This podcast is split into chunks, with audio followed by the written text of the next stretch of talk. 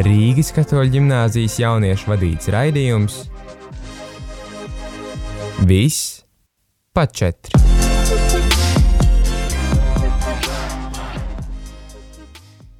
Sveicināti atpakaļ Rīgas katoļu ģimnāzijas raidījumā Viss pa četri. Nu ko, prieks atkal, ka esam apakaļ šajā pirmdienā un šodien vadīšu es, Rojas Rauls Bidzāns, šo raidījumu brīnišķīgo. Šodien man ir brīnišķīga komanda. Sintīna, Laima, Regina, protams, pie kaut kādiem kristers un arī otra Sintīna. Nu ko, paldies jums visiem, kas esat šeit. Varat varbūt sasveicināties ar visiem klausītājiem. Čau! Čau! Nu, ko šodien tāda, tāda oktobra diena, tad um, bija šī tāda, tāda vēsa, ir, man liekas, vēsa. Ne? Kā jums šķiet, ir šodien bija mazliet vēsa, ne? Vai ir nedaudz, ja? ir jūtams, ka nāk viņš augstams klāt, vai ne? Kaut kā vispār diezgan dīvaini, jo man pašam kaut kā liekas, ka ir augsts šodien, bet es atceros, ka, uh, ka pirms, pirms diviem, trim gadiem, 1. oktobrī mēs sportojām, bija kaut kāds mīnus viens grāds, tagad ir kaut kāds septiņi grādi, liekas, tad nemaz... I mean, nebija pats sliktākais, ko es dzīvē esmu pieredzējis. Es gribēju raudāt.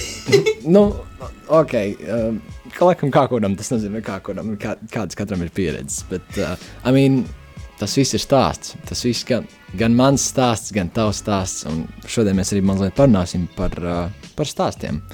Kas tad ir stāsts un kas tas tad, tad pa briesmoni ir uh, un ko, ko, ko tad mēs varam darīt ar tādu, ne? Man liekas, ka stāsts ir bišķiņ tāda ļoti tāda paplaša tēma. Kas jums pirmā asociācija ir, kad ienāk prātā, kad jūs izdzirdat vārdu stāsts? Vai kāds notikums varbūt, vai, vai, vai, vai kāda asociācija? Manuprāt, tas ir ceļš. Tas stāsts ir veido kaut kādu stāstu par kādu dzīves ceļu, kādu notikumu, kas veido arī atkal dzīves ceļu vai jebko citu. Un stāsts ir tāds piedzīvojums, kurā var doties, to klausoties, lasot, skatoties vai darot uh, daudz dažādas lietas īstenībā. Tāpēc, manuprāt, stāsts ir pilnībā viss. Jā, piekrītu. Pilnīgi kas var būt stāsts. Priekšmets, cilvēks. Um, Priekšmets un cilvēks, vai vēl kaut kas var būt stāsts? Vai pilnībā viss, kā jau tu teici? visi. Okay. Nu, mans stāsts asociējas ar uh, vēsturi, ka tu atceries savu pagātni un tu stāsti arī to citiem, un tu raksti nu, kaut kā tādu, es nezinu. Man liekas, jūs visi pieminējāt, jā, man liekas, uh, mēs varam saprast, ka ir daudz, daudz dažādu definīcijas varētu būt stāstam. Ne? Man, man liekas, pirmā atcaucīja, kas minēja prātā, ir uh, mamma stāstītās pasakas. Stāstīja pirms gulētiešanas uh, vai tādas uh, pasaku dziesmiņas, kuras man dziedāja. Tas reiz tā atcita atmiņā mazliet uh, bērnību. Man liekas, kā jums šķiet, stāsts ir, uh, man liekas, tas ir labs veids, kā kā gan, man liekas, gan komunicēt, gan arī kā spēt uh, uzrunāt citus, kā jums šķiet tā ir. Vai jūs teikt, ka stāsts, nu, tas ir tas tā mazliet tā jau vienkārši domāts mazliet, lai nu, iemedzinātu bērns un tam līdzīgi, vai stāsts var būt daudz kas vairāk un daudz kas nozīmīgāks. Nu, viennozīmīgi daudz kas vairāk. Viņš stāsta, tāpēc, ka stāstā ir, uh, bal, uz stāsta ir balstīts viss. Vai nu, kā es teicu, vēsture, vai arī tu stāstu var izpaust kā mūzikā vai dzējā. Ir vairāki varianti. Man liekas, jā, man liekas pieminēt tieši tādu foršu, foršu tieši, ka ir dažādi veidi, kā var pieminēt stāstu, arī mēs uh, raidījumā turpinājām mazliet iedzināsimies par to.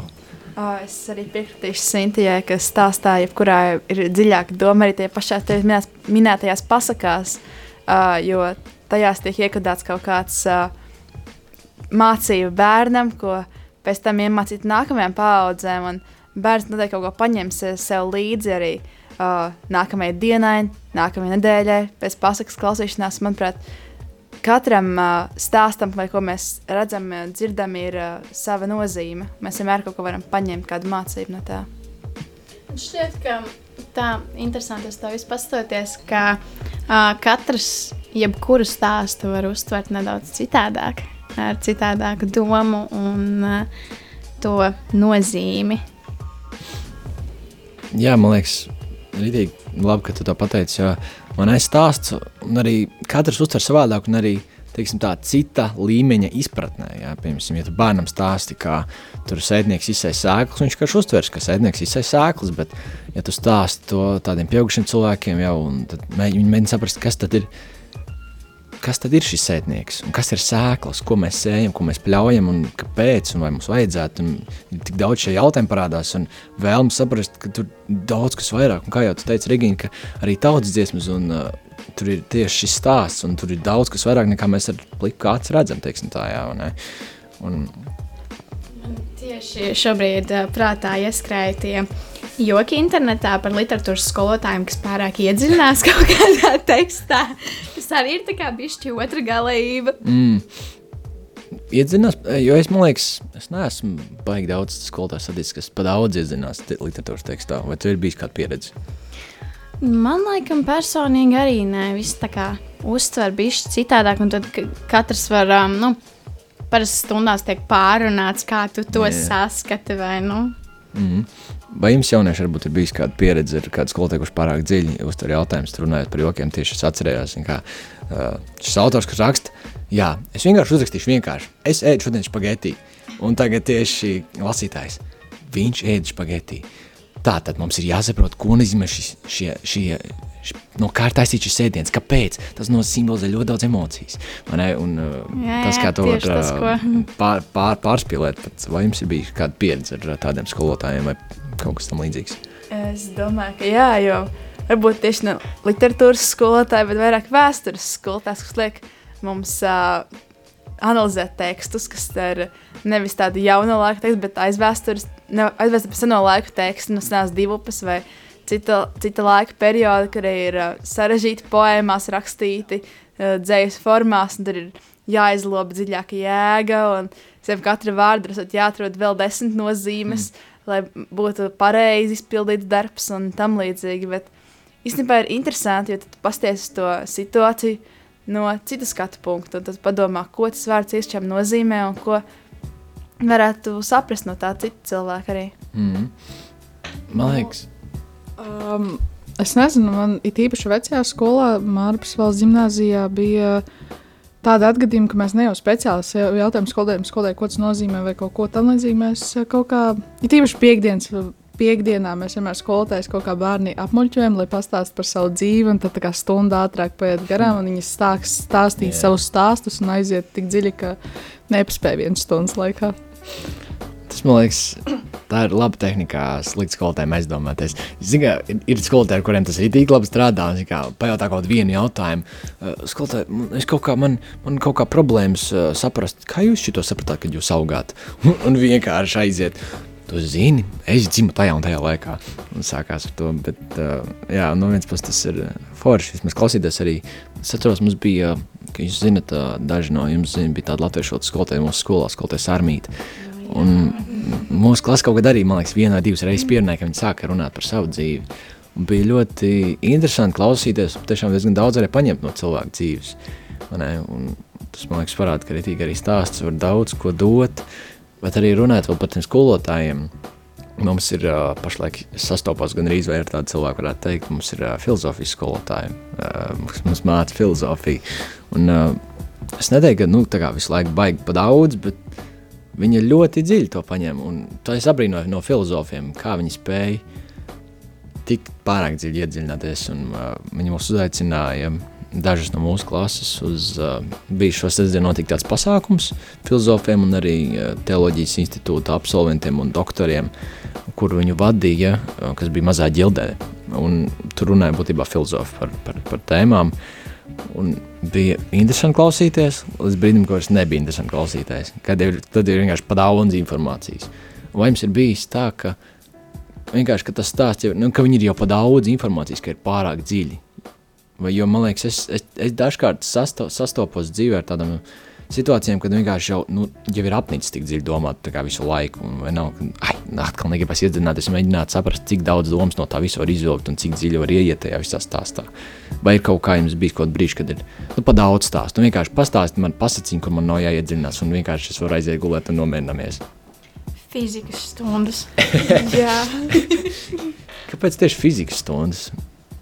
Nu, man tā, man nepārāk tas priekšmets, jā, un nav tā, ka es ļoti labi saprastu. Un tā, ka tu aiziet kaut kādā baigi nopietnā, mm. un tad tu mēģini izvilkt to pagaidi, nē, izsekot, tas ir tā, nē, tur citur. Un, un tad vienkārši tavs smadzenes uzsprāgst. Tev tāpat, Regīna? Jā, nu, tā kā, principā tas pats, jo nu, skolotājs saprot, ko viņš stāsta, un tad viņš sāk pats ar sevi runāt, mm -hmm. pats kaut ko stāsta, kaut ko raksta, kaut ko zīmē. Un mums ir tā humanitāra ekstrata klase, un humanitārie skatās tie pieci skolēni. Mēs pat kas tur notiek, un viņš tikai rēķina un rēķina un raksta mm. kaut ko. Cipari, skaidri, burti, mums viss sajūta putrā, mēs neko nesaprotam. Bet jā, viņš, viņš ļoti ieiet tajā visā iekšā, viņš mm. mēģina izskaidrot mums to lietu, bet viņam galīgi neiznāk. Man liekas, tas ir tas, kad viņš okay. ieiet savā tādā Jā. zonā, kur viņam, viņam parādās šī deksme pret to lietu, ko viņš mīl, teiksim tā, un tad ir tāds, tu vienkārši aizraujies ritīgi, un tu tāds, tu kā nesaprast, nu, ko ko tā, ko tā, un vienkārši tā kā, tā kā, tā kā vienkārši sāc malt, un, un, ja godīgi, es saprotu, no tādas, jā, man arī bija diezgan daudz reizes, kur tu vienkārši, it īpaši, nepaveicis. Vissliktāk ir tad, kad tu tieši tajā brīdī, kad viņš aizdegās, pieņemsim par to, tu vienkārši aizdomājies kaut kur citur. Un tā tur vispār ir vienkārši iepalicis desmit minūtes līdz stundai, viņš kaut ko mēs ko rēķināsim, bet ir tāds, nu, tā kā nav jēgas vairs iedzināties, jo es tik tā, ka es vairs neko nevaru saprast. Tā kā, nu, tad vienkārši mēģināt izjaukt tās desmit minūtes. Skolotāji, um, kā jums pa dzīvi? tad, tad mēģināt saprast un, un vienkārši izjaukt tās stundas, man liekas. Jā, vai arī meklēt kā citur klasē, citu, citu skolēnu sajās to izmisumu. Vismaz kaut kādu ne, nedaudz sevi izklaidē, lai tās desmit minūtes ātrāk Dabūt to cerības stariņu, ka tu neesi vienīgais, kurš nesaprot. ir vēl desmit, kas sēž vienkārši ar atvērtām mutēm, skatās, kas tas ir pa monstru. Bet man liekas, jūs pieminējāt to, ka, jā, ka nu, kad, kad ir šī deksme, bet nu, kaut kā nesaiet, nu, teiksim, tā, nu, nesenāk kaut kā. Un tas, man liekas, parāda to, ka ir jāmāk stāstīt šie stāsti. Mm -hmm. Kā, bieži vien, man liekas, arī, arī skolotāja darbs ir, man liekas, no vienas puses stāstīt stāstus un mācīt, pasniegt to, jo tu vari būt baigi, teiksim tā, baigi profesionāls cilvēks, kas uh, savā jomā ir daudz ko attīstījis, bet ja tu nemāki to pasniegt tā, lai saprotu visi, tad, nu, tad, tad, tad, tad ir tā. Man liekas, tas atkal ir tas, ka. Mm, ne visiem, nu, stāstu var izstāstīt visdažādākajos veidos. Mm -hmm. Māksla, dzēja, nu, cits ar vārdiem, -hmm. cits ar tur varbūt dejo. Un ne visiem runāšana ir tas, kā mm. viņiem daba yeah. ir devusi stāstu, stāstīšanas spējas. Līdz ar to tas tā. Nu, ja tu aizēji uz profesiju, mm. kur tev vairāk jārunā, un tas nav īsti tev, nu, tad ir tāda bišķi cīņa. Jā, tad ir, ir šī cīņa. Ne? Un tu piemini atkal jā, šīs. Tā kā mēs varētu mazliet iziet viņam cauri, varbūt. Man liekas, viens ir uh, proza, dzēja, kā jums šķiet. Tas ir, liekas, labs veids, kā stāstīt stāstus. Mm -hmm. Vai jums ir bijusi kāda pieredze rakstīt dzēju, vai rakstīt kādus darbus, vai, vai, vai tas ir piespiedu kārtā vai brīvprātīgi? Vai jums kādam ir pieredze ar to? Nu, man nu, principā lielāko daļu tu, to dzēju sāc rakstīt skolā. Tu iemācies pamatprincipus tai uh, dzējas uh, struktūrai, un tad kaut kā man bieži ir uh, mājās, kad tev sāp sirsniņa, teiksim, vai tev grūti, vai tev, vai tev īstenībā, kad ir prieks, un vienkārši izdomā, uz, tu saraksti vairākus vārdus ar to, kas tev, nu, asociācijas vai uh, vārdi, vārdi kur, kuri tev nāk prātā šobrīd, kas tev sāp, uh, Un tad tu saliec kaut kā, ska... tad es tā parasti, tad, tad es salieku skaisti visu tādā dzējā, smukā. Un tad tāds, mm. nu, kaut ir maziņš vai liels, tāda liela vai maza dzēja, bet, nu, kaut kas vismaz ir. Kas man, piemēram, parasti skolā ļoti, ļoti nepatīk. Nu, tagad es, es brīvajā laikā man patīk rakstīt. Nu, Uh, nē, esmu vienmēr es dzēju rakstījusi, bet šobrīd tas tā jauns pavērsiens, ja kaut ko mēģinu. Bet uh, es atceros, ka skolā vienmēr man tik ļoti tas nepatika. Un pēdējā laikā es sapratu, ka tas ir tāpēc, ka skolā man liekas ļoti uzsver, ka tev vajag tās atskaņas, tur vajag to konkrēto ritmu.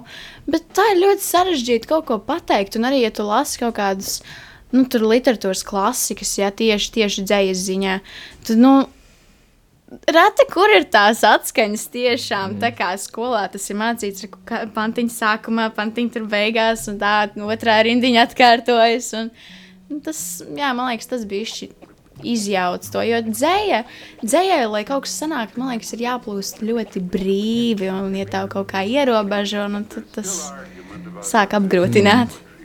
Uh, es arī esmu pārsvarā rakstījis dzēju skolā tieši, kad jau sākums ir sākums skolā meklējams, kad tur biju dzējas par rūtīšiem jāraksta, vai es joprojām tādu dzīslu gaidu atpakaļ. Vienmēr bija tā motivācija. Palikšu šajā skolā, jau dabūju dzīslu par rūtīšiem izlaidumā. Hmm. Nu, es joprojām neesmu dabūjis, bet es joprojām esmu. Ja.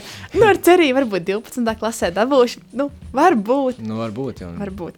Uh, tagad jau mēs rakstījām dzēju par rudeni pirms pāris nedēļām, kamēr pārējā klasē rakstīja pāris rindiņas.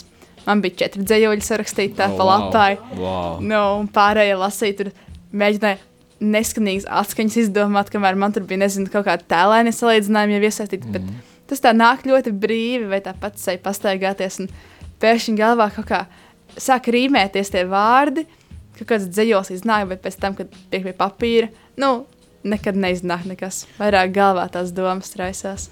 Man tāds jautājums, vai tā skolotāja vai skolotājs, kas tev lika rakstīt to dzēju par rūtīšiem, vēl strādā šeit vispār, vai tev ir tāda cerība?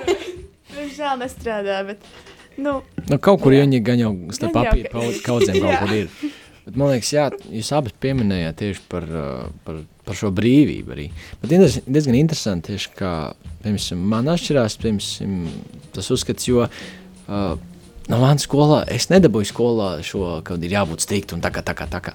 Es tieši aizgāju desmito klasi, un es domāju, jāraksta dzējas, domāju, pats, nu atkal, nu tūlītās man nav nejausmas kauna, es, es nemāku, atkal manas domas, es nemāku, es neko nezinu.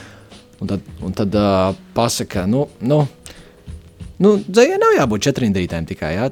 Bija būtībā brīvs formāts. Var rakstīt ar garumu zīmēm, var rakstīt bez garuma zīmēm. Un likās, opā, nu re, viss perfekti. Un, Un, jā, man kaut kā, un tieši es sajūtu šo brīvību, ka nav jābūt ierobežojumiem tik daudz. Un, un kaut kā mazliet sāku vairāk, uh, mazliet vairāk sāku rakstīt kaut kā. Un es sapratu, ka man, pieņemsim, nav tā, ka man uh, vienkārši ejot pa ielu, tad iešaujot baigās domas. Es varu ieslēgt un izslēgt to. Bet, piemēram, tad, kad nu, piemēram, man šodien bija jāiet uz uh, dzējas konkursu, kur man bija jāraksta dzēja, kurus uz, uz, es aizgāju, un tad es sapratu, ok, man būs jāraksta dzēja tūlītās. Jo mums ir, eh, mēs ar klases biedru šeit, mēs gājām tur, mēs nezinājām, kas tur būs jādara. Un, un es piesēžos pie tā papīra, un tāds pats, nu, man nav domas, ko rakstīt, man nenāk prātā. Bet tu vienkārši kaut kāda doma tevi aizķer, un tad man aiziet tas virpulis. Un es vienkārši sāku vienkārši ieiet tajā iekšā, un vienkārši brīvi sāk plūst līdz brīdim, kad beidzās. Man liekas, tas arī parāda liekas, ļoti dažādas tās. Uh, tas, kā mēs katrs to um, dzēju rakstām un uh, jūtam un tam līdzīgi. Nu, ko, bet mazliet parunāšu par dzēju, mēs iesim mazliet tādā mazā mūzikas pauzītē ar dziesmu My Life Imagine Dragons.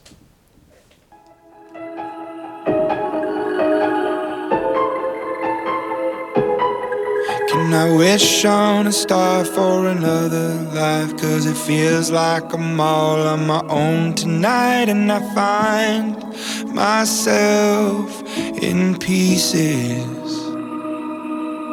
There are pills on the table and a thought in my head, and I walk through the halls where I used to be led. My heart is filled with reasons. I'm trying to be somebody else. I'm finding it hard to love myself. I wanted to be somebody new, but that is impossible to do.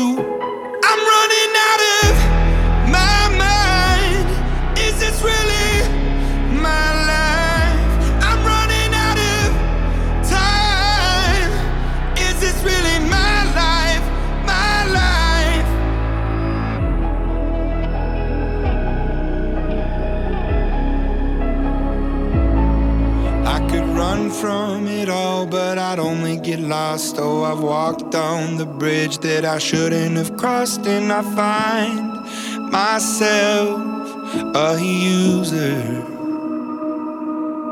Oh, I wake every day with addictions to feed. They all call me a friend, but I'll never be freed from the face of a faithless future. I'm trying to be somebody else. I'm finding it hard to love myself. I wanted to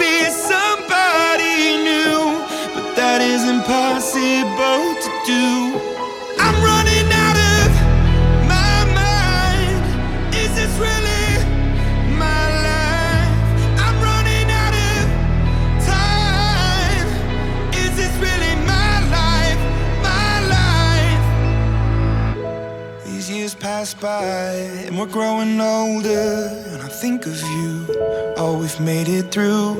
Some have passed away, some have moved on. But I'm still here today.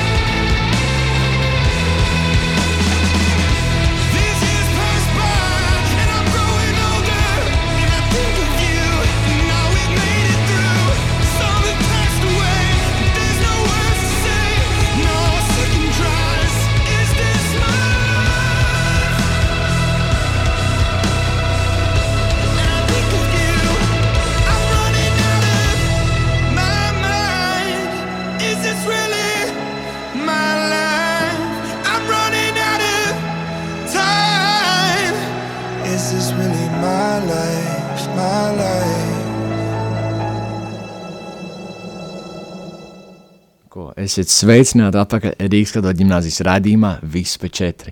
Pirmajā raidījuma daļā mazliet mēs uh, parunājām par uh, stāstiem, kādu varbūt stāsti, mazliet parunājām par uh, vienu no stāstu veidiem dzēju, kā, kā mums mazliet bijis katram pieredze dzēju, un arī to mazliet arī turpināsim par šiem stāstu veidiem. Man liekas, ka vēl viens brīnišķīgs stāstu veids, kā mēs varam stāstīt stāstus ar mūziku. Piekritīsiet? Man liekas, ka tas, man tas ir tāds brīnišķīgs, vai ne?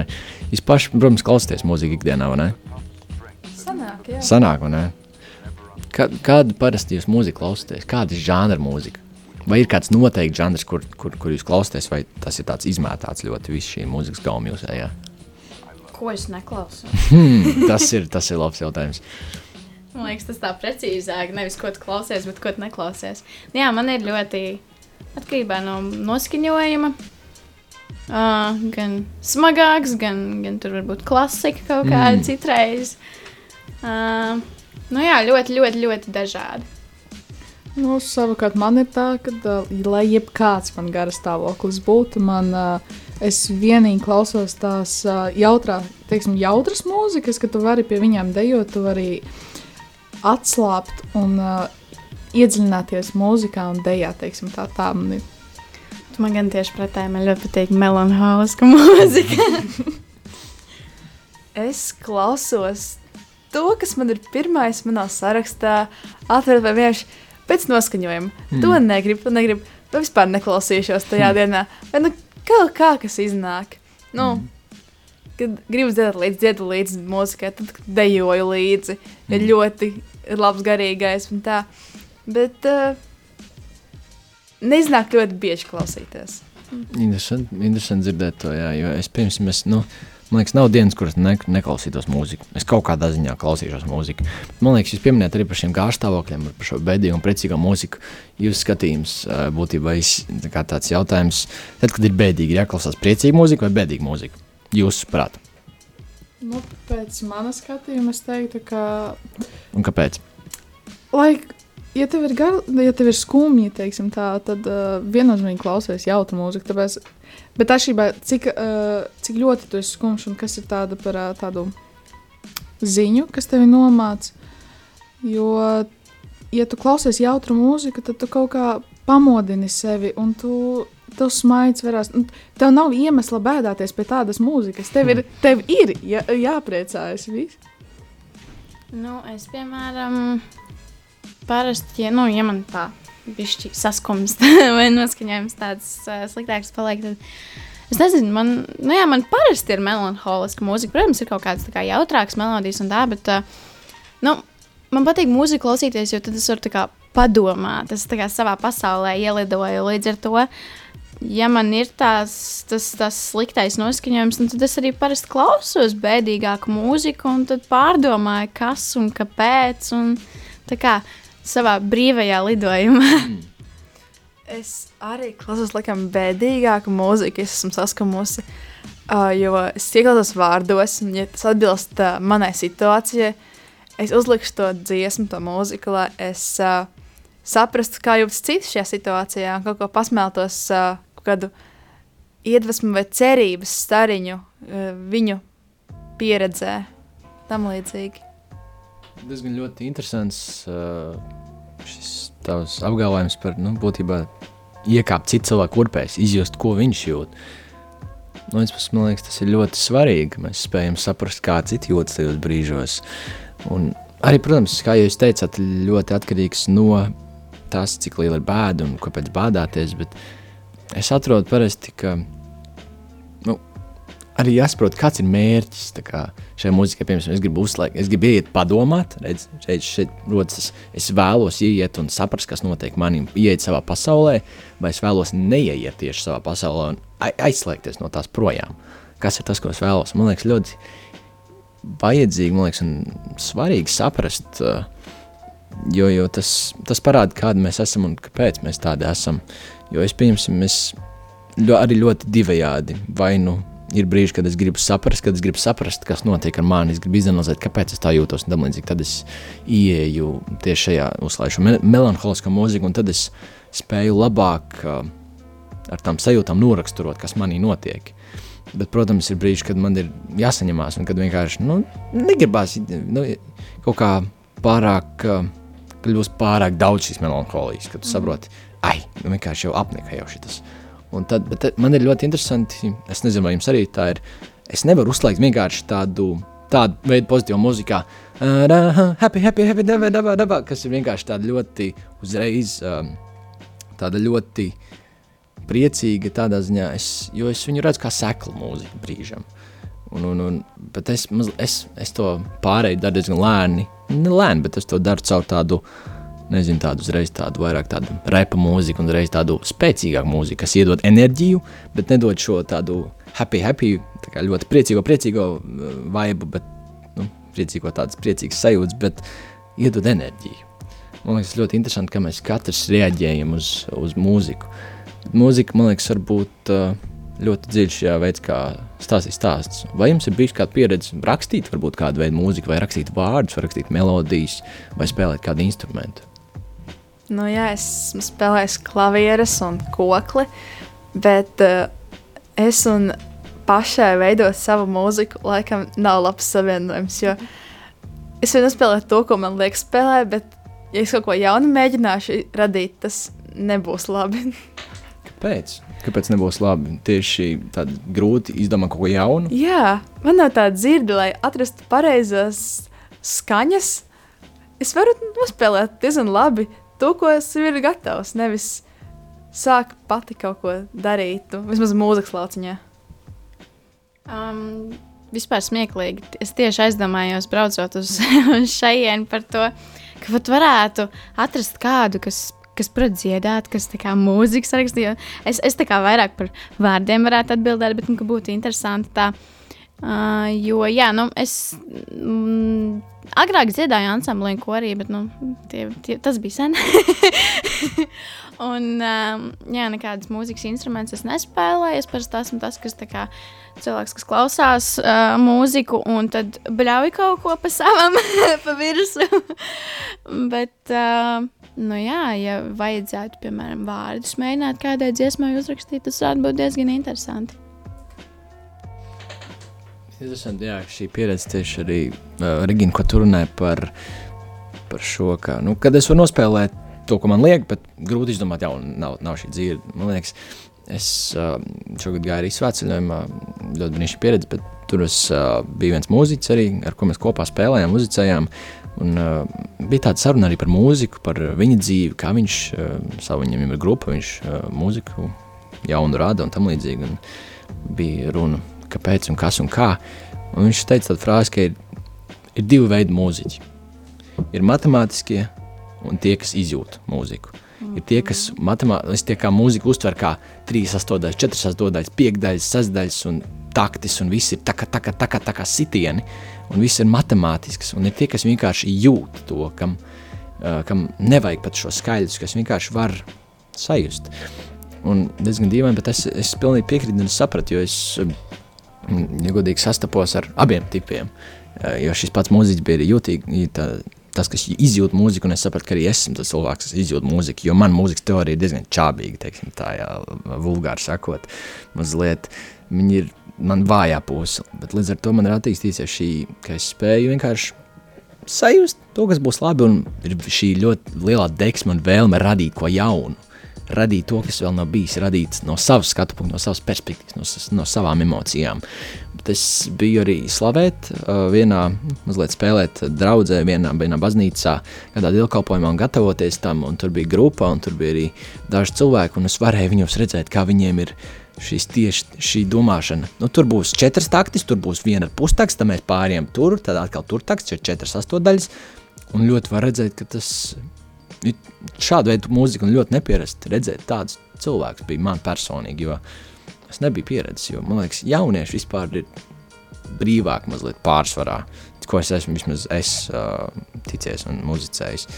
Bet, bet jā, tas parāda, ka ir šie divi tipi mūziķi. Vai jūs piekrītat tam, ka ir šie divi tipi mūziķi, vai, vai, vai kāds jūs domas par to? Vai, vai jums šķiet, ka tā ir? Vai, vai tomēr tā, ka nav tā?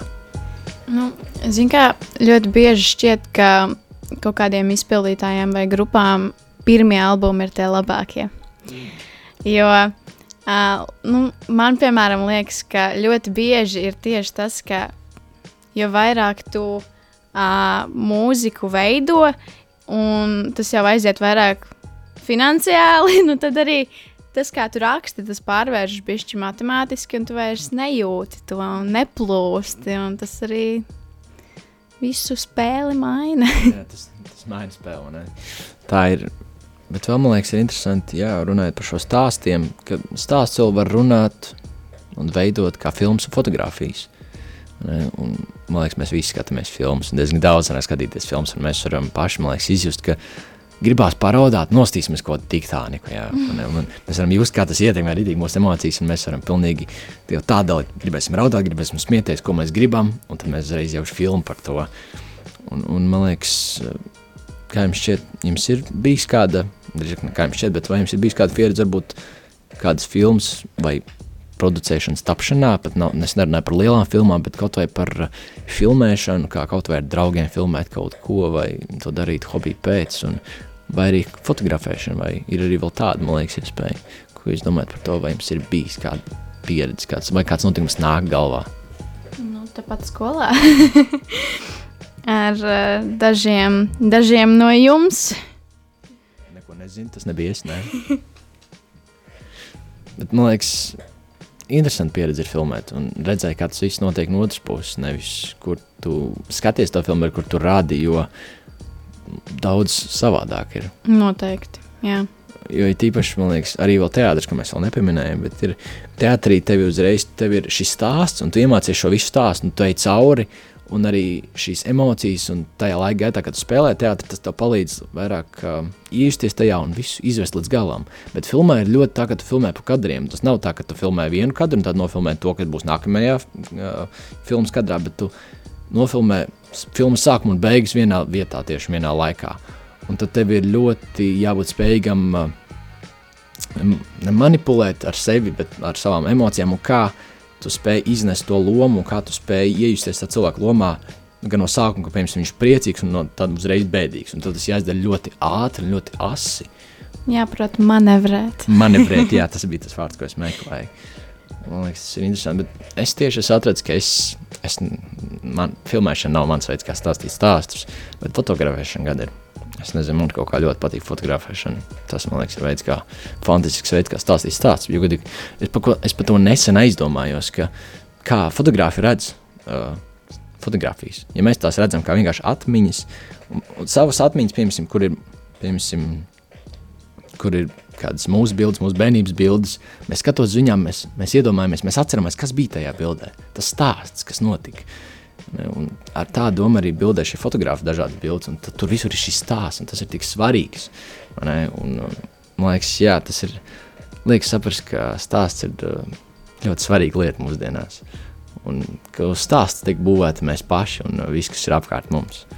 Nu, Raidījums iet mums uz beigām, un man ir jāsaka paldies jums visiem, kas jūs runājat ar mani, diskutējāt. Un paldies visiem klausītājiem, kas klausījās. Un tiekamies nākamajā vai aiznākamajā pirmdienā drīzāk jau.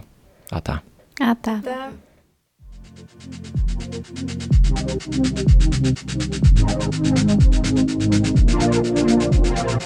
Rīgas katoļu ģimnāzijas jauniešu vadīts raidījums Viss pa četri.